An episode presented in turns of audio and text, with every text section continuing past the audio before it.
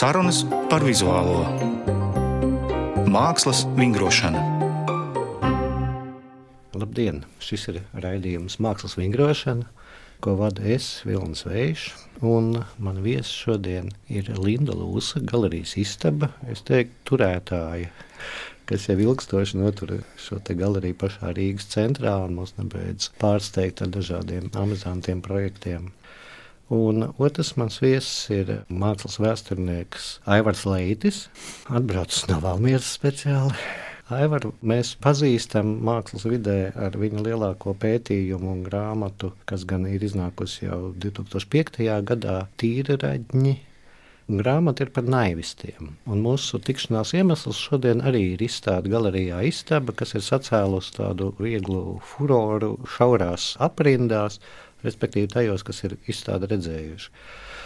Izstādē to mums Linda pastāstīs mazliet sīkāk. Ir izstādīti tātad mākslinieka naivista darbi. Mākslinieks saucas Leons Paima. Un Aivārds ir izstādes anotācijā citēts ar tekstu, ka par šo mākslinieku gan neviens nekad nav dzirdējis.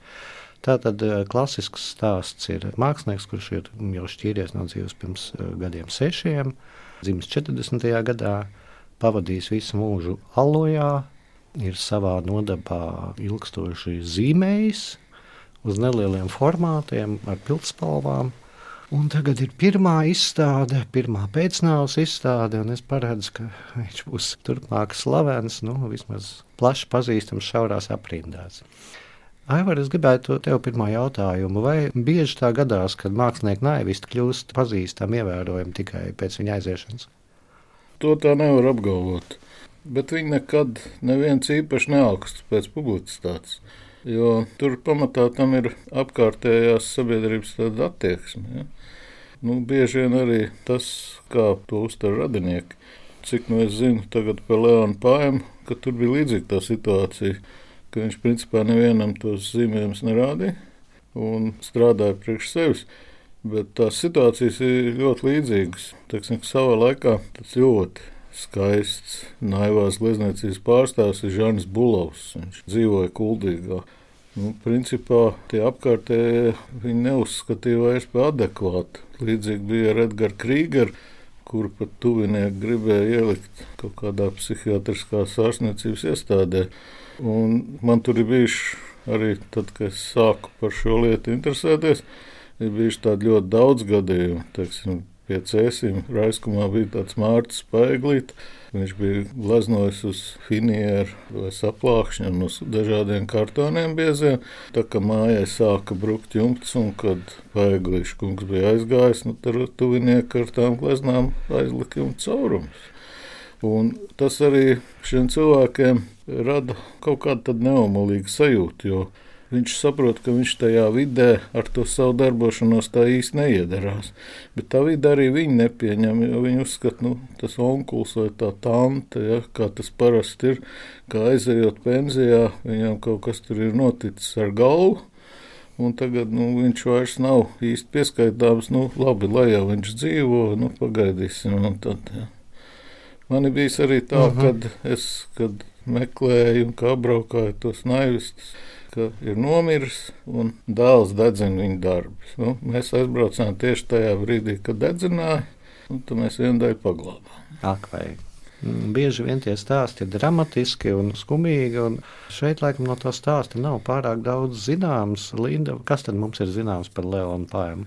Nu, tieši turpinot to Aivara iesākto, šajā gadījumā Leons Pājama visus savus darbus atdeva savam radiniekam, kas ir mākslinieks. Gatim Felsbergam, kas arī ir mans kursa biedrs un kurš šīs mapītes turēja tāpat turpināja marinēt un nu, rādīt draugiem, tas viss bija labi, kā jau marinādē iemarināts, un ļoti labā kvalitātē un pilnā komplektācijā, vai ne? Visa kolekcija, viss darbu daudzums, vienu vietu. Ja to paēma nebūtu paspējis izdarīt mūža nogalē, jau būdams gandrīz arī neredzīgs, izmantoja situāciju, kad pie viņa ieradās viņa māsīca ar savu dēlu, kas ir mākslinieks, un viņš deva šos savus darbus savam radiniekam, māksliniekam. Pat nepaspēdams īsti komentēt neko.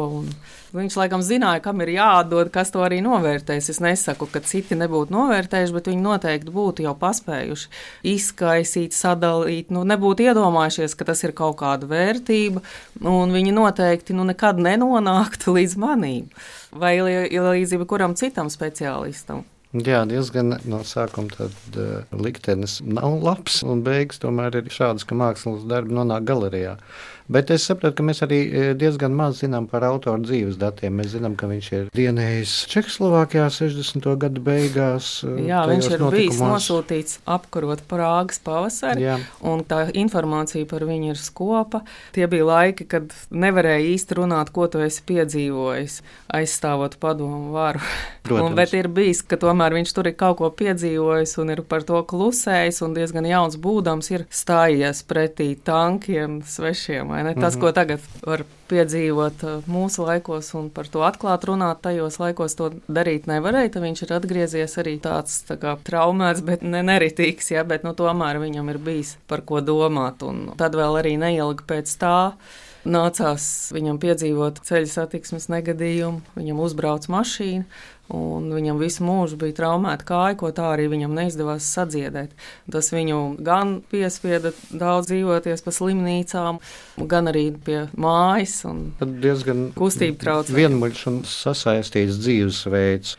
Aivar, tu savā grāmatā raksti, ka jā, bieži šie cilvēki tieši pensijas gados, vecumdienās pievēršas mākslai. Vai tā arī ir kaut kāda likumība, vai ir arī cilvēki, kas visu mūžu ir nodarbojušies ar šādu mākslu? Var teikt, ka tā ir likumība. Jo mūsu valstī, mūsu reģionā cilvēkiem tās dzīves gaitas, nu, es runāšu par 20. gadsimtu, ir tādas, kā viņas ir. Un tas, kas ir bieži vien izsapņots jaunībā, tas dzīvē nerealizējas. Un tad, aizejot pensijā, tie jaunības sapņi tā kā atgriežas. Un viņš grib to sapni realizēt. Un viņš kaut kad jaunībā ir gribējis būt mākslinieks vai gribējis zīmēt vai veidot, tad viņš mēģina tajos pensijas gados pamēģināt, kas tam man sanāks. Un vēl viens tas aspekts, ka visu mūžu tomēr vairāk vai mazāk tā interese kaut kāda ir bijusi par to mākslu. Viņš kaut ko ir skatījies, kaut ko redzējis, kaut ko dzirdējis. Nu, tad tajos darbos arī tur var ļoti labi redzēt, tā smalki sakot, šos ļoti dažādos inspirācijas avotus. Mans pieminētais Bulovs, viņš tur nokopēja tādās naivi robustās formās visu mākslas klasiku. Leonam Paēmam tur ir pastmarkas, tur ir pastkartes. Es tur vienā zīmējumā atpazinu, bija tāds eh, manos tīņa gados diezgan populārs dziedātājs Jose Feliciano. Es tur ļoti interesējos par mūziku. Man nāca tāds žurnāls Melodija Čehu, mm -hmm. kas bija principā padomu okupācijas laikos tāds vienīgais pieejamais. Ja. Mm -hmm. no, Acīm redzot, viņam ar kaut kāda šāda informācija bijis. Ja. Un viņš visus šos pieejamos avotus izmantojis. Un, nu, droši vien, ka tā, kā Linda pareizi nosaukusi to izstādi, veldze, tā ir šī atslodze no tās monotonās ikdienas. Bet par to skaļi nedrīkst te runāt. Bet interesanti ir tas, ka parasti šie tādi naivās ievirzes mākslinieki parasti vairāk ir ārpus Rīgas. Un tur ir viena tāda lieta. Padomju laikos pastāvēja tāds Emīļa Melngāja tautas mākslas centrs vai kaut kas tāds. Es nemāku precīzi pateikt to nosaukumu. Un Rīgā tā kontrola bija ļoti liela. Un Rīgā parasti tad ļoti ir izņēmumiem tie, kas negāja uz tām studijām. Bet studijas, kas ir tās pašdarbnieki, autodidakti, amatieri, parasti nodarbojās ar to, nu, ka iemācīs pareizi zīmēt, un nu, viņi taisīja pakaļ principā studijas vadītājiem. Ja? Tajā paskatās tās studijas, kas ir ārpus Rīgas bijušas un kas tur joprojām eksistē, Madona, Valmiera, ja, tur citas vēl, tad tur tā darbība brīvāka, jo tie studiju vadītāji atļāva brīvi darboties un nebija arī tāda kontrole. Kaut gan, nu, es labi zinu, kā tas notika Valmīras studijā, ja, kaut gan reizēm trāpījās pa kādam kas atnāca pārliecināties, nu, ko tur tie trakie dara. Viņi taču nemāķi zīmēt, neko nesaprot. Es arī tā varu. Bet nu, parasti to vietējo funkcionāru līmenis arī bija ļoti apšaubāms. Bet Rīgā viņi bija kaut kā tuvāk un tādā lielākā uzraudzībā. Un Pājams kungam, es domāju, nu, viņam tur droši vien nekāda uzraudzība nebija. Ja? Viņš darīja brīvā laikā to, ko grib. Un droši vien, ka zinot, kāda ir tā attieksme un kas var iznākt, jo tur tajos zīmējumos var saskatīt daudz ko tad es domāju, ka viņš vienkārši viņus nerādīja. Ja? Jo daudzi parādīja tos savus pirmos darbus kādam radiniekam vai kam, un kas sadūrās ar absolūtu nicinājumu un kaut ko tādu, nu viņi vienkārši slēpa to visu. Bet tas ir jā, tāds mūža nogalē, tāds jaunības dienas sapnis, runāt, kā viņi tur realizē tā vai tā. Bet, nu, varbūt tur ir vairāk kaut kāda citu jomu speciālistiem. Tas jāinteresēs, kāpēc tas nāk apakaļ. Mēs te iezīmējām jā, to biogrāfisko un to vidi. Un arī izskanēja, jau, ka ir dažādi šie sižeti. Un, patiesībā izstāde ir ļoti jautra, ļoti dzīves priecīga dzīve apliecinoša, var teikt, jo kā tik tur visa nav. Tur ir eh, romantika un dažādi kultūras iespējas, kā jau te Aivars minēja, filmu zvaigznes un pastmarku, un tur ir tāda tautiskā stila stilizējuma, kur es saskatu kaut ko no pirmskara mākslas, teiksim, iespējām. Viņš ir ļoti veikli stilizējis, un ir kaut kādi šie kungi saules brillēs kas ir tādi 50. gadu stiļāgas, un tad ir 90. gadu bandītismu kaut kādas lietas. Un, ko tur slēpt? Tur ir arī cigaretes, alkohols un vai nu bez, tur ir smukas sievietes. Kas arī ir ļoti interesanti, jo viegli erotiski patiesībā motīvi, kas bieži atkārtojās šo mākslinieku darbos. Tad, uh, Mēs it kā mēs spriežam par to, kā par izstādīšanai paredzētiem darbiem, bet tās bieži vien ir pieraksti tikai savai lietošanai. Līdz ar to mēs nevaram izvirzīt kaut kādas kritērijas vai vēlmes, ko nu tur vajadzētu vai nevajadzētu attēlot. Linda, kas tev piesaistīja visā šajā paketē? Jā, nu, redzot, ka tie darbi patīk ne tikai man, patiesībā es to izstādi gribēju taisīt, ka tie darbi patika man.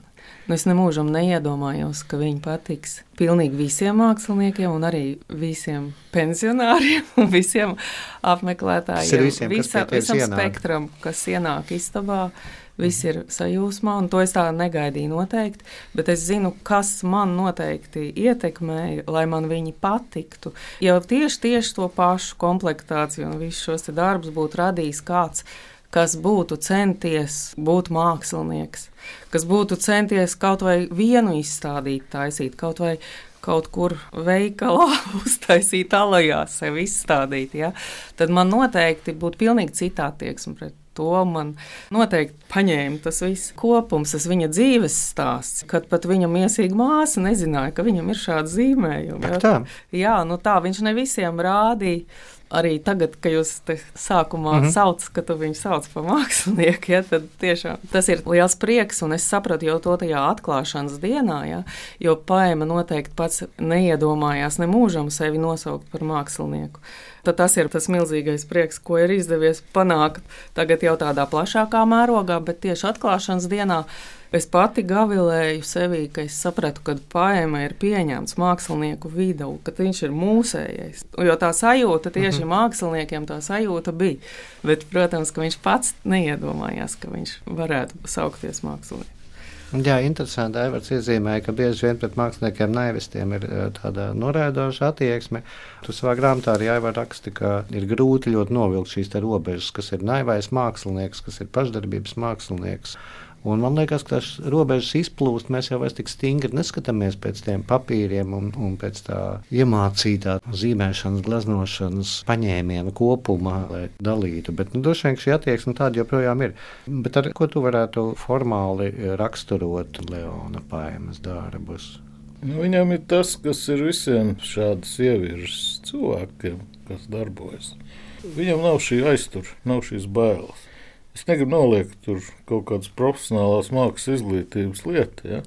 bet uh, tā profesionālā mākslas izglītība iemāca baidīties, vērtēt. Viņš dara to, ko viņš redz, ko viņš grib darīt. Pa pārējo viņš tur īpaši nepiedomā par kaut kādu pareizību vai kaut ko tādu. Ja? Un tas man liekas, ir tas, kas atšķir. Bet te ir vēl viena lieta. Linda teica, mākslinieku vidē, un tas interesanti ir tas, ka teiksim, visus šos naivistus man labāk patīk šis vārds tīraņus. Man liekas, ka viņš ir tāds tīraņš. Jo tur nav svarīga vairs tā formālā būtība, kāda tā forma ir robusta vai pat izsmalcināta, ja, bet tāda ko viņš ieliek. Tad parasti viņus visaugstāk novērtē tieši profesionālie mākslinieki. Jo tādam plašam skatītāju lokam viņi nav vajadzīgi. Viņi viņus vienkārši nesaprot. Un plašs hmm. skatītāju lokus pie mums ir orientēts lielā mērā uz kaut ko ļoti kičīgu, uz kaut ko ļoti saldu. Protams, man nav tāda statistika, bet ja mēs tā pareiķinātu, cik cilvēkiem patīk tāda augstā māksla, ja, vai viņi saprot viņu, tad tas procents ļoti mazs. Es ilgus gadus esmu strādājis nu, līdz aiziešanai pensijā mākslas pedagoģijā. Un es pārliecinājos, ka arī tu vari stāstīt, tu vari rādīt un skaidrot. Bet tas bērns atnāk uz mākslas vidusskolu. Viņš saka, bet mana mamma teica, ka tā nav māksla. Ja? Un tas lielā mērā ir tas pamats, kamēr tu viņu pārlauzi un iemāci kaut ko. Bet šiem cilvēkiem viņam nav jāpārlauž. Viņam ir tā pārliecība, un viņš tās savas pārliecības vadīts darbos. Un pie tam viņš to pārliecību nevienmēr prot noformulēt. Tur ir tās lietas, man šis liekas labi, tas liekas labi, tas liekas labi, un tad es to visu izmantoju. Un visu to samiksēju kopā. Paēmam tur var ļoti daudz autors atrast, no kuriem tur ir.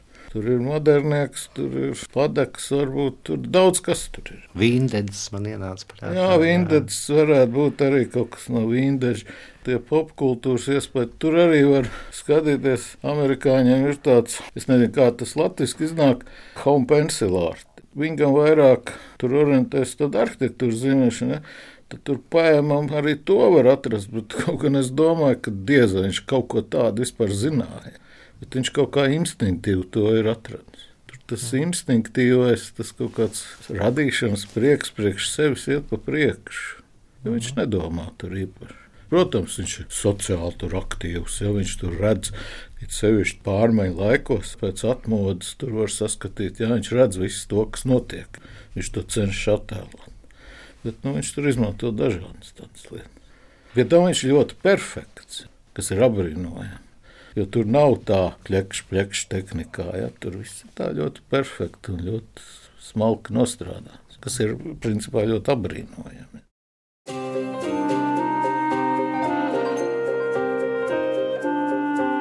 Mākslas vingrošana. Šodien mēs runājam par eh, mākslinieka naivistu. Patiesībā vienkārši tīreņa Leona paēmas izstāde galerijā izstaba. Un mani sarunu biedri ir Aivars Leitis, mākslas zinātnieks, un Linda Lūsa, galerijas istaba vadītāja. Mēs jau aizskārām tās tēmas, kas ir Leonam Pājamam kičs, iespaidi, dažādi profesionālās mākslas aizgūmi, bet man arī neatstāja sajūta, ka tas cilvēks bija sasodīts talantīgs. Jo es skatos, protams, kā nesot mācījušamies mākslas skolās, kāda ir sejas simetrija, figūras kustība, rokas, kā ir attēlus. Nu, viss, ko mēs ar Lindu labi zinām, ko mums dresēja kādreiz. Ja? Un, un šeit tas viss ir eh, intuitīvi. Es domāju, ka arī tomēr ar zināmām prasībām pret sevi ir izkoptas tās spējas. Un plus vēl tāda stilizācija. Linda, kā tu kā mākslinieks arī vari vērtēt, nu, tur nav saturs vien, tur forma arī ir svarīga, vai ne? Jā, un, protams, arī ja viņš ir kaut kur kaut ko mēģinājis kopēt, noskatīties drīzāk, tad ir feini, ka tas ir tāds par un ap. Tas nav tieši kopija, kaut vai arī atlasot tos zīmējumus, tur, kur es saredzu. Ja. Protams, es no kādiem 180 zīmējumiem izvēlējos 80. Nemaz vairāk nevarēju istabā eksponēt, un vairāk arī nevajadzēja, jo, protams, tie, kas palika aiz borta, tur var arī izveidot, izlasīt, kura nav jārāda. Varbūt jā, tā jau ir katram māksliniekam. Bija arī tāda, kur tā kopija bija ļoti tieša kopija. Nu, tas mm. jau uzreiz vairs nav interesanti. Bet patiesībā ļoti maz, bet es redzu, tas ir no Eža kažociņa mm -hmm. grāmatas. Nu, zīmēta ilustrācija, bet viņi pārāk tieši. Un, protams, īpaši ir tas, kur ir pielikts no pāēmas klāt. Jā, un tie zīmējumi ir dažādi. Tagad mēs arī nu, bijām ar Aivaru istabā. Vēl papētījām, ja, pirms nācām šurp. Un tu teici, man, ka viņš ir dažāds. Jā, tas man uzreiz arī pirmajā reizē jau skatoties pamanījās. Un, protams, ir jau par tiem zīmējumiem skaidrs, apmēram arī man jau, kur ir kuros gados, tad tas arī atkarīgs no papīra, no tās pildspalvas, kā viņam tur ir klājies tie laukumi. Un jāņem vērā, ka beigās viņam tiešām ar vien sliktāk redzi palika. Es arī to ņemu vērā un jau skatoties uz zīmējumu, redzu jau, ka tur ir gan jau cita pildspalva, gan tā redzes sāgu izšķiņa jau pieklibot arī tas veido to dažādību. Un, protams, tēmu dažādība. Ja, ja tas ir kaut kāds oficiālais mākslinieks, pareizais, tad tu sāc domāt par savu stilu vai par savām tēmām. Bet pārējiem to nav darījis. Tad nu, tur ir tā, ka tiešām ko es gribu, to es zīmēju. Ja mēs ieliktu šo autoru eh, tajā pašā grāmatā, tīreņi, kur ir baidos minēt, cik tur ir mākslinieks. 50, 50 tikpat daudz palika ārpusē. Es atpazīstu droši vien, kurš ir Leona Pājums. Nu, noteikti. Jā. Bet tur ir vēl tas aspekts, ko es neminēju, kas visiem viņiem raksturīgi. Es to saucu par tādu naivās montāžu principu. Man kādreiz uh, Elgars Krīgers stāstīja, Es viņam prasīju, nu, kāpēc tu saliec tur tādas lietas kopā. Un man tur skatoties pēm, kaut kas līdzīgs likās. Un viņš saka, tad, kad es strādāju par traktoristu, atbrauc no kaut kurienes korespondents un arī no avīzes. Viņš saka, ka viņi mūs nofotografēja. Un tad, kad es ieraudzīju to fotografiju avīzē, tur bija, bija pavisam savādāk. Tur bija viss salīmēts. Un kāpēc es nevaru tajās savās glaznās? Un pājām arī viņš tajos savos zīmējumos, viņš ierauga, ah, šis man ir tāds simpātisks lieta, tā ir simpātiska lieta, tā ir simpātiska lieta. Un viņš to tā ļoti veikli kombinē. Viņš principā manipulē tā naivi, tā varbūt mazliet robusti. Viņš manipulē to apkārtējo īstenību ar tiem sapņiem, ko tas padomu cilvēks varbūt gribēja, kas notiek. Ja. Viņš tādu manipulāciju mm -hmm. uzstājas. Varbūt neapzināti, bet varbūt apzināti mēs to nezinām, diemžēl. Tie, ar kuriem man ir izdevies runāt, un pārsvarā ar gandrīz visiem, ja, tad tur šī pasaules uztvere bieži vien ir ļoti interesanta. Un tas nav tā, o, oh, es tagad izdomāju, un tur ir savu domu apakšā. Funkcijas. Jā. jā, tas varbūt ir tieši aizraujoši, ka izpaužās tāda norma un pieņemta forma un nesašķobīta intuitīva tā uztvere. Vai šādi gadījumi bieži parādās, vai tas notiek joprojām, jo man liekas, ka mūsu tā dzīve kļūst arvien publiskāka arvien vairāk mēs viens par otru zinām. Bet tāpat laikā es, es vasarā vēl biju skrīdis ģimenes izstādē Cesvainē, kur arī pat vairāk cilvēku brīvajā laikā nodarbojušies ar zīmēšanu, gleznošanu. Vai mēs to cilājam biežāk un lepojamies, vai mēs joprojām varam gaidīt daudz dažādas pārsteigumus? Droši vien, ka jā. Mēs ar Lindu esam vairākas naivistas rīkojuši. Nu, mums bija tāda ļoti kolorīta personība, Kārlis Lūsis, Nu, jā, mēs esam informēti, bet šie cilvēki, kā likums, nav sociālos tīklos. Viņi to nereklamē. Bet ir, man ir vairāk jauni, ja, tādi, ko es zinu, kas ir pavisam tā negaidīti uzrakstīti. Pie manis varbūt viņi pievelkās, jo man kāds vienmēr piezvan un pasaka, ka vai var aizbraukt, apsties tur tādu dienu. Tas apmēram tā. Klau, ir manta. Jā, Mēs apmēram, apmēram tā arī tā, tev zvanīja. Nu, tā tas uzrādās, bet viņi sev nereklamē tas nav atkarīgs no kaut kādas valsts iekārtas vai kā. Viņa vienkārši arī ir bail. Ko tad tie apkārtējie teiks? Jo viena lieta ir dzīve Rīgā, otra lieta ir dzīve laukos, kur viens pa otru visu zina un pat zina vairāk, varbūt kā vajag. Varētu uzsvērt to tādu atdalītības sajūtu un, tā. un vien, radošu tādu vientulību, var teikt, jo man jau šķiet, ka mēs kļūstam ar vienu. Oh, Mums viss patīk, visam atrodas kaut kur vieta, un visi cits citam liek Facebookā laikus. Vai tas tiešām ir bijis kaut kā tik ļoti iedzītas tās pareizības, nepareizības šausmas? Linda, kā tu novēro šobrīd tās reakcijas? Un vai būtu tā, ka šiem cilvēkiem ir jāslēpjas vai jābaidās no izsmiekla nicinājumu? Man personīgi neuzrunā tā, nu, kad ja tu tiecies pēc tās atzinības, it visā, ko tu dari un krāj tos ordeņus sev un balvas, un tad tu sāc jau iet to ceļu. Tāpēc man ir tīpaši patīk šāds pārējais gadījums, kur tu neredzi neko no tā. Tas nenozīmē, ka cilvēks ar balvām visām iespējamām ir kaut kāds sliktāks, vai ne? Bet tad, ja tu redzi, ka kāds ir tiešām tāds tīradnis, ka viņu tas neinteresē nemaz, un pat varbūt arī ir traucējoši, tas kaut kādā veidā traucē viņam arī attīstīt to savu ceļu tādu, kāds viņam mm. ir, tīrs, nu, neietekmēts no kaut kādiem laikiem un no tā, ko, kurš kā. Jo tad, ja ko līdz tu sāc sadarboties ar sabiedrību, tad, man liekas, viņi arī tev nedaudz sāk ietekmēt, ko tu tālāk arī dari. Ko liek internetā tagad, ko liek sociālos tīklos? Parasti liek tie cilvēki, kas grib pazīmēties un liek tādus šausmīgus struntus. Nu, Viņš nu, vienmēr. Nu, gandrīz nu, 90%. Es, tur, es tā zinu, kā arī pēc vienmēr apskatos.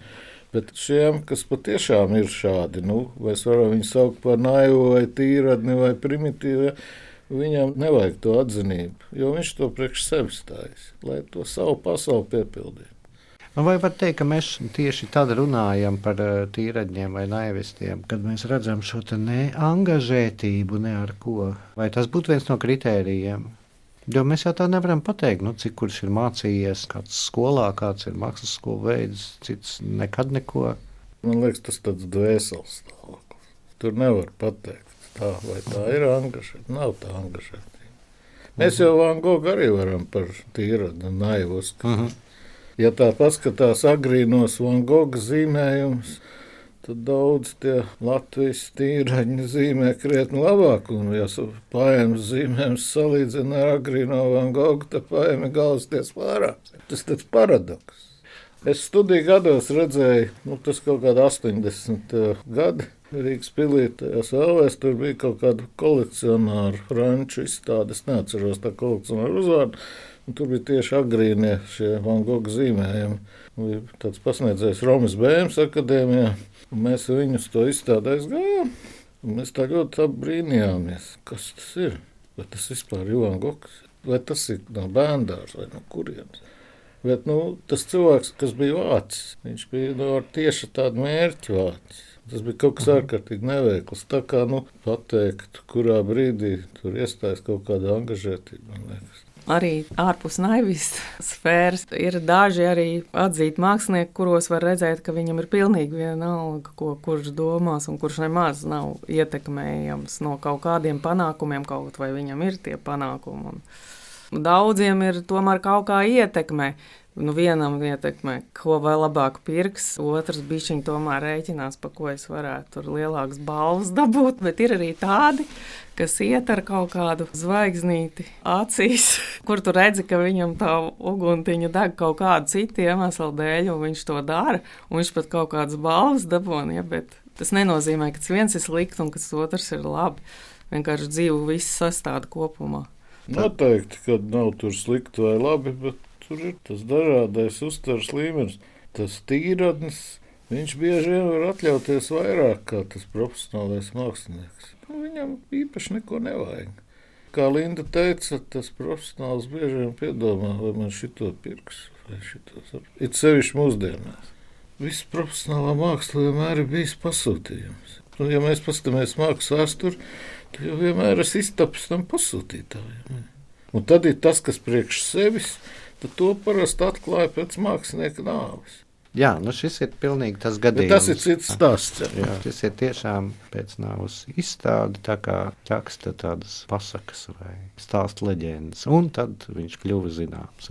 Mums no vienas puses žēl, ka nekļuva zināms viņa dzīves laikā, mēs nezinām, kā mēs to reaģētu, cik man ir bijusi tādiem interesantiem cilvēkiem darīšana. Mēs arī nezinām, nemaz, kā viņi reaģētu uz vēlmi rādīt un kaut kādā veidā sakārtot šos darbus, un kur nu vēl palielināt, kā tu Lindas darījies. Mēs droši vien varētu noslēgt ar aicinājumu pirmkārt skatīties, otrkārt. Uh, Otrakārt, es varu teikt, ka izstāde ir pagarināta, jo man viņa nejauši vēl sanāca. Māja brīvdienas aizņēma pusi no izstādes laika, un tagad arī tā piekrišana tai izstādē ir tik liela, ka viņu var nākt vēl mēnesi skatīties uz galerijas stāvu. Mm -hmm.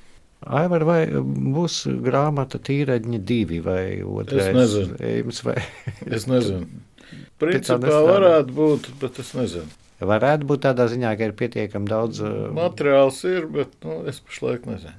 Nu, tad es savukārt novēlu, ka mēs gaidīsim un mūs interesē. Paldies! Bet var Paldies. katrā ziņā pieteikties un paziņot, ka, redziet, Aivar, tur ir viens tāds, kurš tur kaut ko dara. Interesējamies. Jo tas ir vienīgais ceļš, principā, kā var šos mm. autors savākt. Interesējamies, iedrošinām savus radiniekus. Tas bija redzējums mākslas vingrošana, to vadīja es Vilnis Vējš. Un man viesis šodienas studijā bija galerijas istaba vadītāja mākslinieca Linda Lūsa un mākslas zinātnieks Aivars Leitis. Runājām mēs par Leona Paēmas izstādi galerijā istaba. Raidījuma producents bija Ieva Zeidmane. Raidījums tapis ar valsts kultūra kapitāla fonda atbalstu.